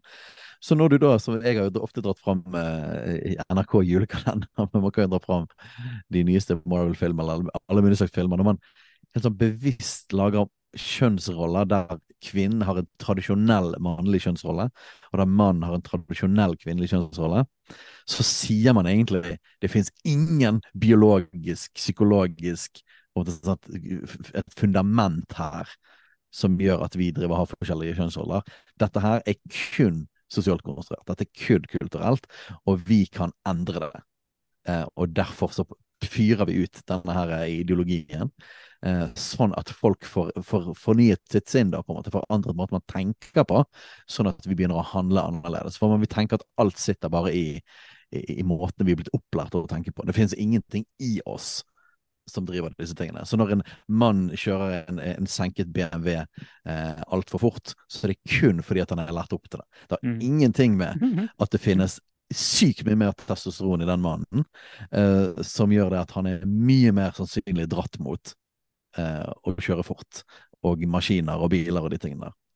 Så vi må snakke om dette. Ja, vi, vi, må snakke om det. Og det å ikke ville forholde seg til måten Gud har skapt oss på, er jo egentlig bare opprøret igjen. Eh, det er bare at ja, men vi vil ikke ha, ha Jesus som herre. Vi vil ikke forholde oss til at Gud har skapt oss. Men vi har lyst til å leve sjøl, vi har lyst til å være herre i eget liv. Det er egentlig bare opprørets ånd på nytt igjen. Det, det er syndefallet igjen og igjen og igjen som bare kommer opp i menneskets hjerte på nytt og på nytt og på nytt. Nei, vi vil ikke ha Gud som herre. Nei, vi vil styre sjøl. Og vi er som treåringer som bare sier nei til alt. Og vi er i konstant trassalder og vil bare bestemme sjøl. Sånn, Beklager, men det er ikke det kristne livet. Vi bestemmer ikke sjøl. Det, det, må vi bare ja. få hamra inn en gang for alle. også. Er, vi bestemmer ikke lenger sjøl, for Jesus han bestemmer. For vi har gitt vårt liv til han. Og så får vi meg til å tenke på Romerne 9, i Romerne 9 så, så, har du denne greia der så liksom eh, Men hvem er du, menneske, som tar til motmæle mot Gud? Kan verket si til håndverkeren, hvorfor gjorde du meg slik? Bestemmer ikke pottemakeren over leiren, så han av samme klump kan lage én krukke til fint bruk, én til simplere bruk? Skal vi ikke snakke om hva det betyr sånn sett. Poenget her er bare sånn Kan virkelig vi som mennesker si til han som har laga oss, nei, vi vil ikke være sånn. Nei, vi vil ikke forholde oss til det. Han som har laga en potte, altså pottemaken som har laga en potte, en krukke, liksom, kan krukka si 'Jeg liker ikke måten du har laga meg på, jeg vil være annerledes'. Ja, men det hjelper ikke, for du kan ikke forandre deg sjøl. Gud har skapt deg som en potte. Det, du er den potta som Gud har laga deg som og Det er helt umulig å komme unna. Det er, det er, rammeverket for oss kristne. og Derfor prater vi om biologien hele tida. Det finnes mer enn bare biologi her, vi skal komme til det, men derfor snakker vi om det her igjen og igjen og igjen. Så, så jeg tenker jo, iallfall for min del, et, et naturlig på en måte for et kristenkonservativt utgangspunkt, så ser vi det at kjønnsrollene gjennom, gjennom historien um, de har variert, de har uh, si, vært mer eller mindre smale. Men sånn i hovedsak så har jo de på en måte lagt i samme linje som det vi tror er skapt som. og på en måte i, i, i, i en måte linje med si, biologien og psykologien som er forskjellig på mennesker. Fortsatt i dag, i 2023 i Norge. Altså, det har ikke noe å si hvor du, hvor du blir uh, født, da. Altså, du, du, vil ha disse her tingene i deg likevel. Eh, så, så, så, derfor har ikke vi på en måte Fra kristent hold har det ikke kommet noe sånn herre brutalt oppgjør med kjønnsrollene, fordi at vi, vi mener at de, de, de, er ikke i motsetning til kan man si, Guds bilde eller Guds skapelse. Eh, men det vi kan være med på, er at de kan ha vært for trange. At de har på en måte hatt, de har hatt, hatt, mangel på variasjon, at det finnes folk som, som mindre treffer på en måte gjennomsnittet. Som har unødvendig blitt, måte, blitt vært utenfor, eller på en måte ikke har fått lov til å eh, ja, oppleve si, frihet og utfoldelse. Da, at, at, det vil alltid være en prosent som vil måtte, vike såpass fra det, det standarden at, at uh, det kan godt være at vi skal ha en bredere på en måte forståelse av kjønnsrollene. Og det tror vi det finnes ganske godt grunnlag for i Bibelen. For at, hvis vi tar mann, da, så, så, ser vi beskrevet ganske mange forskjellige typer menn. Ikke til den grad at vi da mener det at alt er sosialt konstruert, alt er bare flytende, det finnes ikke ingen biologisk ting som har noen konsekvens på kroppen og psykologien. Nei, men, men, men likevel innenfor at vi er veldig distinkt forskjellige som mann og kvinne, Eh, så ser vi det at, at, at David han var annerledes enn en, en, en Saul. Enn en sine brødre òg. Han var annerledes enn sine brødre. Enn sine brødre, Og egentlig interessante ting der, hvis du bare tar akkurat de, de folkene der. Um, Saul var egentlig ganske følsom type, han òg, for, for, så vidt. Så han var ikke det beste eksempelet på en sånn klassisk maskulin type. Men hvis du tar David, han er ganske forskjellig fra, fra, fra brødrene sine. Han er kanskje den mest myke, den mest liksom dype fyren, den mest kunstneriske personen eh, av de, sjøl om han hadde jo, han var en krigerskade, altså han eh, slo Goliat og forskjellig. Men, men, han hadde definitivt sensitiv kunstnerisk side. Og David blir jo virkelig måtte, løftet opp som, en, som et uh, sant, som den store kongen. Og så, og som, det står ingen plasser i Bibelen at liksom bare, nei, David var en femiklatt, vi må ikke være som han, liksom. Men han har jo masse kan du si, sånn ikke-stereotype maskuline verdier som en del av hans personlighet. Og hvis du tar hans sønn Salomo, så er jo han nesten enda mer uh, sånn. Altså, han, var jo, han, han, var jo, ikke en kriger engang, kan ta vekk hele den biten. Mm. Eh, men han var en poet, han òg. Han var liksom in, en intellektuell. liksom han eh, det var ikke den typiske liksom, sånn eh, mannemann som man kanskje tenker ser for seg at uh, gudsmannkonferansen bare vil elske fram. uh, så i, i Det nye testamentet så har du måtte, Ok, Peter var kanskje mer sånn typisk brautende mannemann. Personlighet. Uh, og sant, Håndverker, fisker, liksom. Um, men Johannes var ikke det. Sant? Den næreste vennen til Jesus. Så han hadde helt klart mer poetiske, mer myke, mer følsomme sider. Han, um, Kjærlighetens og, alt dette, bare for å si, Det finnes en bredde, da. Ja. Mm. Kjærlighetens apostel. Det finnes en bredde uh, i, i, i, mannsrollen i, i Bibelen. Ja, ja, det finnes en bredde der. Og, og skal vi ta det liksom tilbake i en moderne kontekst, da, så er det sånn eh, en mer urban mann som liker å gå på kafé, er ikke mindre mann enn en bonde på bygda. Altså, det, er ikke, det, er ikke, gitt at han er mindre mann fordi han er urban og liker å gå på kafé og ikke vet hvordan han eh, skal eh, slakte et dyr og hogge ned et tre. Eh, for der er vi helt enig i at den typen kjønnsrollemønster det, det, har vi ikke noe, noe trua på sånn sett. Selv om det skal sies, vi tror han kommer fra et sted likevel, men okay, vi kan la den ligge likevel. Da. Men ja, ja. Så vi er helt med på at det blir for trangt. Det er vi helt med på. Og Derfor må vi gå dypere. Og, da, og da, det får meg til å tenke på eh, altså brevet, Det er et eh, naturlig sted å gå. Det er av flere grunner. Eh, der har du hele underholdningsgreiene som vi ikke har tid til å ta i dag. Det får bli en egen episode senere. Så vi, vi hopper galant bukk over det akkurat nå. Men eh, Efeserbrevet 5 starter i vers 1 med 'ha Gud som forbilde'. Det er det FS-brevet kapittel 5 starter med. Ha Gud som forbilde. Og litt lenger ned, i, i vers 21, så har du det, eh, det verset der Paulus skriver at eh, dere menn, dere menn elsk kona deres sånn som Kristus elska kirken og ga seg sjøl for den. Ok, men Akkurat nå snakker vi ikke direkte om biologi, men vi snakker om et kall fra Gud. Og vi tror Gud, altså Gud har gitt et kall, et generelt kall til menn, et generelt kall til kvinnene. Vi tror på et spesielt kall òg.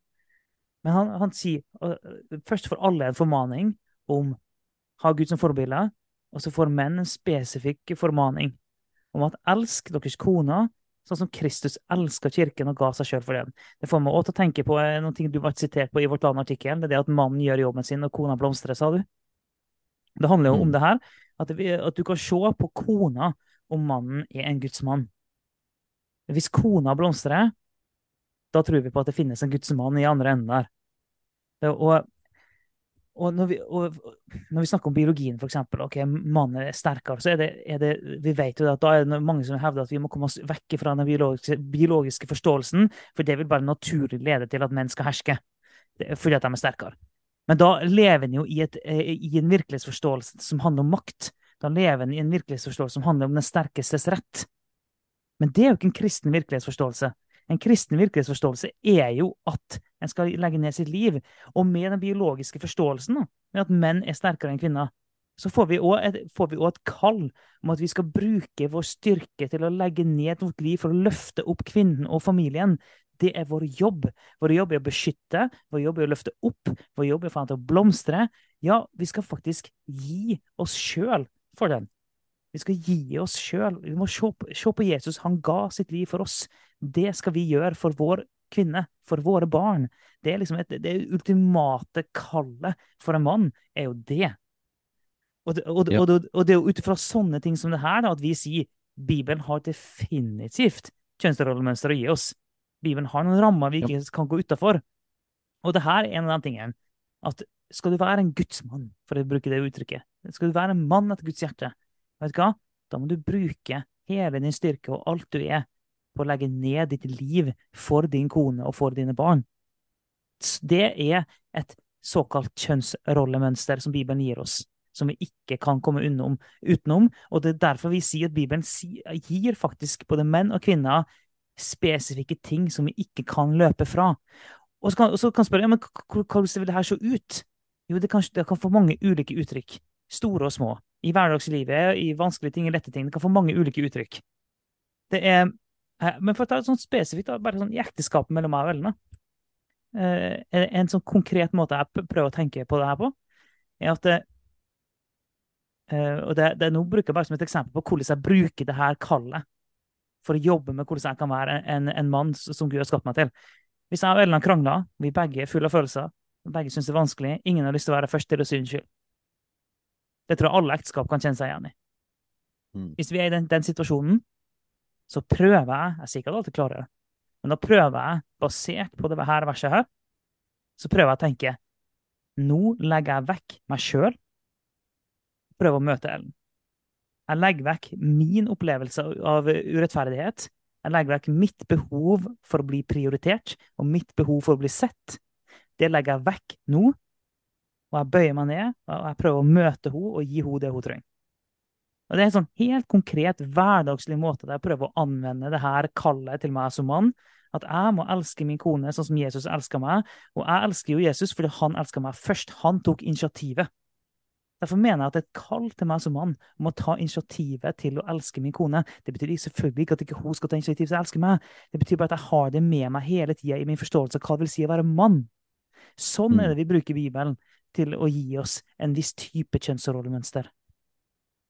Og Bibelen sier òg at, eh, at, en mann skal vinne sin hustru i hellighet og ære. Så det ligger eh, i dette med initiativtagelse, så, så finnes det på en måte flere eksempler på det. Um, og at, at mannen er kalt på en spesiell måte til å være initiativtaker og til å gå i spissen. Det samsvarer over òg med, med at i Efeserbrevet 5-teksten, men òg flere andre steder i Bibelen, så blir mann beskrevet som hodet i familien. Eh, leder i familien. Og, og fordi at vi er så flasket opp på postmodernisme, marxisme og liberalisme, så med en gang på en måte vi tenker leder, så er det suspekt, og vi lett tenker det blir undertrykkelse. Og dette har vi jo snakket om fra starten av denne podkasten, at det på en måte det bryter med en kristen virkelighetsforståelse av autoritet og posisjon. Hvis du leser hva Jesus faktisk skriver om ledelse, eh, når f.eks. apostlene drev kranglet om hvem av de som var den største, så underviser Jesus nettopp om dette. Og, og, han sier at det er ikke sånn hos dere, sånn som det er i verden, at ledere hersker over de som står under dem. Men, men, i Guds rike så er det sånn at den, den som vil være størst, skal være den minste. At den som, den som er høyt, den skal gå lavest. Og Jesus demonstrerte dette gjennom å vaske disiplenes føtter. Og på en måte sier det at hvis, hvis jeg gjør dette med dere, dere kaller meg herre og mester, og det, det er riktig, jeg er det. Hvis jeg gjør dette med dere, så må det skylde dere å gjøre dette med, med hverandre, og de dere leder. Eh, og på samme måten så viser Efesene brevet frem akkurat når det står om at mannen er hodet, og at kvinnen skal underordne seg mannen og mannen er hodet, så, så, er det på en måte det neste som står, er jo akkurat det som, som Afkåre leste, nemlig at hvordan er det du ser ut å være hode og leder? Jo, det ser ut som at du skal ta den posisjonen og den styrken, og så skal du legge den ned sånn som, på samme måte som Jesus sant, uh, var i himmelen, og så la han til side sin guddommelighet. Han, han, uh, han, han, han istedenfor å tenke på seg sjøl eh, og sin posisjon, så kom han og ble som et menneske og ble som en tjener. Tok på seg en tjenerskikkelse. Eh, og på samme måte ser det ut, da. Det er det vi skal demonstrere som menn. Vi skal demonstrere Kristus som leser ned sitt liv som en tjener. Så det er motsatt av egoisme, da. Det er motsatt av dominans. Det er motsatt av å herske. Så vi er blitt gitt eh, biologisk og psykologisk en styrke som er annerledes enn kvinnen. Kvinner er definitivt en styrke, men det finnes en større fysisk styrke. Det finnes gjerne en, en, en, lettere for å på en måte konfrontere, lettere for å på en måte gå i ledelse. Det, det ligger ned i oss eh, både fysisk og psykologisk som menn. Men Jesu kommando er det at den styrken skal da brukes, som Salf Kåre sa, til å tjene, til å løfte opp, til å beskytte. Det er, på, det er Guds design. Uh, så, så, det finnes ingen uh, Det finnes ikke noe forsvar for å være en dominant undertrykkende mann i Bibelen. På ingen måte. Hver eneste gang det står om de tingene der, så er det så blir det konfrontert i Bibelen. Og til og med i Det gamle testamentet, hvis du ser på kongene, så ser du helt klart at de kongene som hersket med de de var eh, sine underståtter, de ble helt tydelig konfrontert av Gud og profetene, mens de som tjente og løftet opp, eh, blir løftet opp som gode konger. Så mm. autoritet i seg sjøl er ikke suspekt i Bibelen. Så vi er ikke anti-autoritet, vi er ikke anti-strukturer, vi er ikke anti-underordning. Men innholdet av hva strukturen er, og hva det betyr, da er det alltid sånn at posisjon og styrke skal brukes til å tjene. Og det er jo dette vi Jeg tror, jeg tror alle jeg tror de fleste instinktivt òg kjenner igjen dette. Og dette er liksom skaperordning. Da, sånn at hvis du har Med mindre du er ekstremt uh, mot all autoritet og alle strukturer, du er en anarkist eller noe, så, så vil de fleste tenke det at en god statsleder det er en som tjener folket og legger ned sitt liv. sant? Eh, og vi er ikke imot nødvendigvis at det fins en statsleder, men vi, men vi, vil ikke at noen skal være en tyrann, vi vil at de skal tjene. Og hvis de gjør det, så får de faktisk masse respekt og ære. sant? Jeg husker eh, så en video av en eh, bedriftsleder i, i, i Japan som, som de måtte Det gikk dårlig med bedriften og han bestemte seg for å bare ta ned lønnen sin ned til en vanlig arbeider, eh, flyttet kontoret sitt ned til alle de andre, og tjente og arbeidet og demonstrerte på en måte at han, han eh, ja, lot ikke de lide for at de dårligere, han ville sjøl være med og ta lasset. Og da kjenner vi med en gang yes, det er en leder. Så vi er ikke imot at han ledet bedriften, men vi er imot at han opptrådte som en tyrann eller som en, eh, en undertrykker. Så, så instinktivt så er det på en måte Ja, Bibelen er for ledelse, men det er hvordan du leder som er, er nøkkelen. Ja, det er det. Og nå tror jeg eh, Jesus måtte jo komme til jorda for å ta hånd om synd, men han kom og ga seg sjøl. Han gikk foran. Han gikk først. Og han gikk inn for å virkelig få erfare hva det vil si å være oss. Det, eh, hvis du leser brevbrevet, der står det så mye om akkurat det. Om at Jesus har blitt prøvd i alt på samme måte som vi, men uten synd. Jesus eh, han gikk gjennom hele greiene for oss. Han gikk først. Sånn, altså, se, sånn, det er sånn Jesus leder. Og hvis du har et problem med autoritet, så er det faktisk du som har et problem. Det er ikke, det er ikke Jesus. Det er, det er ikke til å komme utenom at det finnes god autoritet. Hvordan i all verden kan vi ha en gud? Hvordan i all verden kan vi ha en hersker? En herre? Hvis autoritet i seg sjøl er galt og feil. Det er ikke det. Det er når synden har fått forhold til å eh, vri på autoritet. Da det er problem. Men det er syndene som er problemet, ikke autoritet i seg sjøl. Så autoritet, sånn som Gud har gitt oss det, er alltid i rammene av at den som har autoritet, den bøyer seg ned. Og den elsker, og den gir, og den ofrer. Det er autoritet i Bibelen. Og derfor er, derfor er autoritet godt. Og derfor går vi til det her. Vi søker det her. Ja, så der er det noen eksempler. Det er jo selvfølgelig ikke utfyllende om mannsrolle, men det er klart at disse tekstene, sammen med biologien, viser helt klart at det finnes en kjønnsrolle i Bibelen. Og som jeg sa i det intervjuet, og som denne MF-professoren var skeptisk til, så, vil vi si at det finnes et mannsbilde i Bibelen. Eh, men det finnes en variasjon i personlighet og hvordan det ser ut. Men det finnes ikke på en måte Det vil ikke være La oss si Peter og Johannes, da, hvis vi skal prøve dette på, på liksom, ok, Eh, Peter var kanskje, virka som, var en mer sånn typisk eh, typisk manemann, som vi kaller det. Men hvis Johannes var en eh, i personlighet en mykere type, mer dypere, mer poetisk, mer Han var tordensønnen, da. Ja, ja, i begynnelsen var det det. Ja, ja, det skjedde et eller annet med han. men, men, men, den som på måte si, Johannes, da, etter, etter han møtte Jesus og etter pinsedag, så det er de karakteristikkene som kommer fram. sant? Så, så, vil vi likevel si det at, at, at sentralt for mannsrollen vil være ektemann. Og det finnes jo et, ut, et, unntak. Paulus snakker om et kall til å være enslig og singel for Guds rikes skyld. Altså det, men jeg vil si at det er et unntak i, i, i forhold til skaperordningen. At mannens primærkall er å være ektemann og far.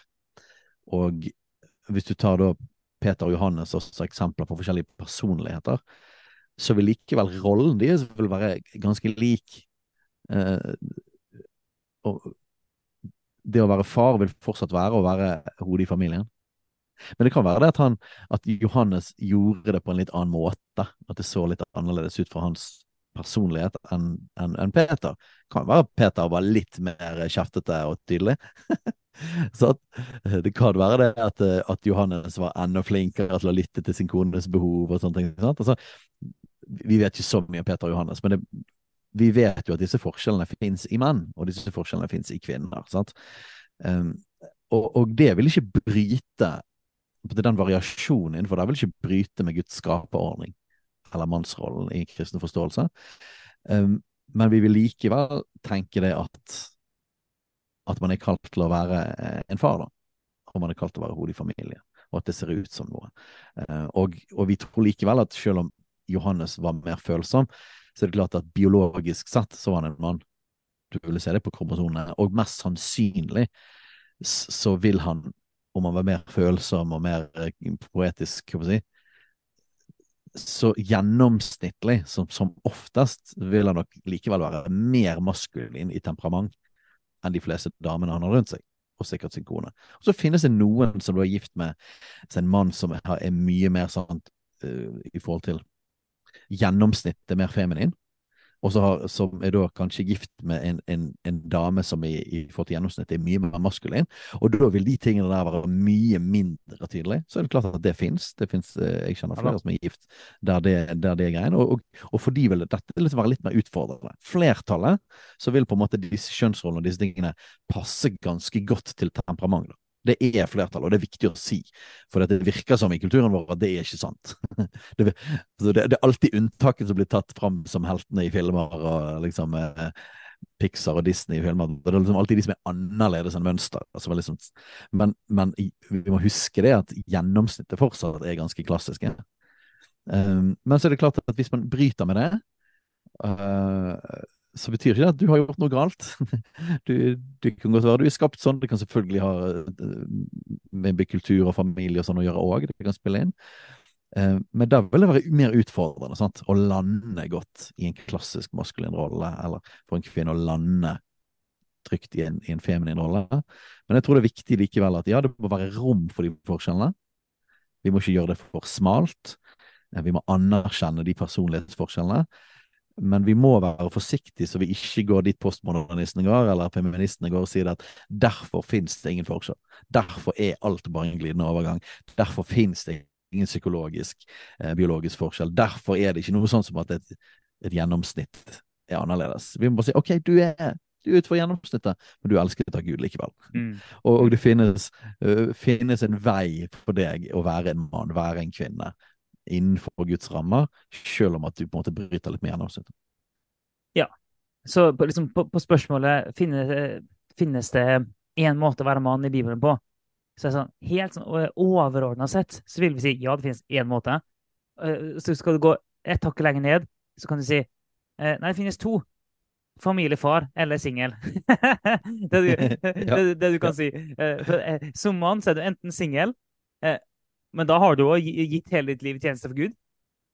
Eh, for Bibelen gir ingen åpning for å være singel og ikke gi hele livet ditt i tjeneste for Gud. Det gir Bibelen ingen åpning for. Så det er sånn, enten... Singel og sitte på kaffebar og, og, ja. og, og finne singelkvinner og ha one night stands, altså det, det, er ikke en eh, bibelsk kristiansrolle. Så enten så lever du singel og gitt hele livet i tjeneste for Gud, eller så er du en familiemann så fortsatt det er tjeneste for Gud, men du må, uh, du må, bruke betydelig tid og energi, som også selvfølgelig er en tjeneste for Gud, for all del, med å uh, være der for uh, din kone og oppdra dine barn. så det er, det, er alternativene du har som mann. Det er enten ja. gi hele, liv, hele livet tjeneste for Gud, eller oppdra din familie på en gudfryktig måte. Det er valgene du har, men uavhengig av om du velger det ene eller det andre, så kjenner du likevel ikke unna at Gud har kalt menn til å gi sitt liv. Kommer du ikke unna. Og så kan man alltid si at det, det, det Paulus snakker om her, er jo da eh, menn, gi livet deres. Eh, Legg ned deres liv for deres kone, så det er liksom i konteksten av å være gift. Um, så da kan man alltids prøve seg på ja, men hvis jeg ikke er singel, så er jeg ikke bundet av det. Men det, da kan vi, det er noen andre ting i Bibelen som gjør at du er bundet likevel. Ja, sant? Og, og, hvis du da tar det enda et nivå lavere, innenfor disse rammene da finnes det forskjell på menn? Det, eh, er alle kvinner like, er alle menn like? Nei da, her finnes det variasjoner. Men, det, men, vi tar alltid utgangspunkt i de større rammene, mm. og så ser vi liksom på Ok, så kommer vi liksom til de personlige forskjellene på slutten, og så må vi på en måte deale med de i lys av de andre rammene. Det er en kristen måte å sette det opp på. Vi tar utgangspunkt i Gud og skapelsen, eh, og så kommer vi ned til oss. Mens dette er vanskelig i vår kultur, for vi skal alltid ta utgangspunkt i meg sjøl. Mm. Min opplevelse, mine følelser, hvordan jeg er, min personlighet. Og så skal det definere alt annet. Og så vil vi ikke forholde oss til sånne store rammer som det. Men vi helt sånn konsekvent vi gjør det motsatt vei. Og det tenker vi igjen, så arrogante som folk tenker tenke å gjøre. Vi tror at det er en kristen måte å tenke på. Uh, og, og, så individbiten kommer til slutt. Og da tror vi at du, Gud er så god at til og med innenfor disse her rammene, biologien og psykologien som vi har, de rammene som Gud har gitt i forhold til kjønnsroller i Bibelen, så finnes det masse frihet til å uttrykke disse her på forskjellige måter. Eh, innenfor Guds ramme. Eh, og der er det ja, plenty av forskjell på våre personligheter. Eh, så, så, det er ikke et problem for oss. Det er bare det at vi kan ikke ta utgangspunkt i individet og følelsene, og dermed sprenge alle rammene og si det. Alt er sosialt konstruert. Det finnes ingen rammer. Nei, det, det tror ikke vi på. Vi tar aldri utgangspunkt i oss sjøl. Vi gjør ikke det. Altså, vi, vi, vi sier ikke at vi sjøl ikke er viktige. Vi, vi, er kjempeviktige. Vi er så viktige at Jesus døde for oss. Så viktige er vi. Men vi tar aldri utgangspunkt i oss sjøl. Det var det vi sier. Og så Det hadde vært interessant hvis noen syns at det, det, det, de kjønnsrollene vi maler opp nå Vi kunne gått mye mer inn i det, og for så vidt, men det får bli en annen episode, for nå har vi holdt på lenge. Men det hadde vært ja. interessant om noen faktisk mener at det vi beskriver her, er trangt. Har oppriktig vanskelig for å se at noen mener at det vi snakker om her, er trangt. Det ja, men det kan være. Ja da, må du, ja, da må du på en måte være imot disse liksom fundamentale forskjellene ja, ja, ja. og mene at det i seg selv er ikke sant, eller det er trangt. Og ja, de om det. Men altså eh, Vi mener at dette her er både helt naturlig for mennesket og eh, ikke noe stress i det hele tatt. Men, og, eh, men vi er jo bare noen arrogante mørkemenn, Steinar. Det er jo ja, det, jeg syns alltid, alltid, det er litt morsomt. Det, det, det, skjer, det skjer en gang iblant At, eh, at, noen kan feste merkelappen arrogant på oss. Det skjer, det skjer en gang iblant. Jeg syns alltid det er like morsomt når det skjer. Det høres utrolig arrogant ut når jeg sier det på den måten jeg gjør nå, da. naturligvis. Eh, men eh, det er jo som regel at vi, blir kalt arrogant fordi at vi faktisk mener at noe er rett og sant. Vi mener at noe er rett og galt. Vi mener at det finnes noe som vi må forholde oss til, og vi mener det er tydelig. Og da er det noen som syns det er veldig vanskelig å forholde seg til, og derfor mener at vi er arrogant. Og da er det jo alltid like morsomt for meg da, når jeg tenker på at ja, men du som mener at jeg er arrogant, du mener jo at det jeg sier, er feil. Så du har jo sterke meninger som bare er andre meninger enn mine. Så er det ikke like arrogant av deg da, å mene tydelig det du mener. Men det er det tydeligvis ikke. Det er bare for at vi mener at Gud har gitt oss en ramme. Det er arrogant. Men at du får lov til å styre dine rammer, det er visst ikke arrogant. Så det er, så det er tydeligvis arrogant å mene at vi må underlegge oss Jesus og, oppgi vår egen autoritet over eget liv. Det er arrogant. Men å si 'jeg er herre over mitt liv, og jeg skal bestemme alt, og ingen skal få lov til å bestemme noe over mitt liv', nei, det er visst ikke arrogant. Jeg vet at, jeg, at det her er en karaktering, karikering, men jeg, sånn, jeg, jeg, kan både le litt av det og bli litt sånn irritert over hele den greia der. Ja, ja det, det, det er veldig interessant, akkurat det der. Ja, vi kunne hatt en egen, hel egen episode for akkurat det spørsmålet om eh, hva er egentlig arrogant. det, får bli en annen, det, det får bli en annen episode. Bli en gang. Vi må avslutte. Vi, vi, det ligger selvfølgelig mye mer i kjønnsroller enn det vi har snakket om her, og vi fikk ikke snakket så mye heller om, om kvinnens kjønnsrolle, kjønnsrolle for kvinnen. Vi, vi, men vi snakket om dette med barn, vi snakket om det med hvordan det er en ekstremt stor del av det, men vi fikk ikke gått videre på det. Men, men vi vil jo si bruk de, samme, vil bruke de samme prinsippene da, som vi gjorde når vi snakket mer om det i forhold til mann. Det finnes noen overordnede rammer i biologien, psykologien. Det finnes noen rammer som Bibelen viser i forhold til mann og kvinne. Også på, på en måte under der igjen så finnes det forskjell i personlighet som, som der det vil være variasjoner i hvordan dette på en måte blir levd ut. Eh, og Det vil liksom være hoved, vår hovedmåte å se det på. Jeg tenker vi stopper der, jeg. Det blir hoppa lenge. Ja. Supert, det. Yes. Ha det bra.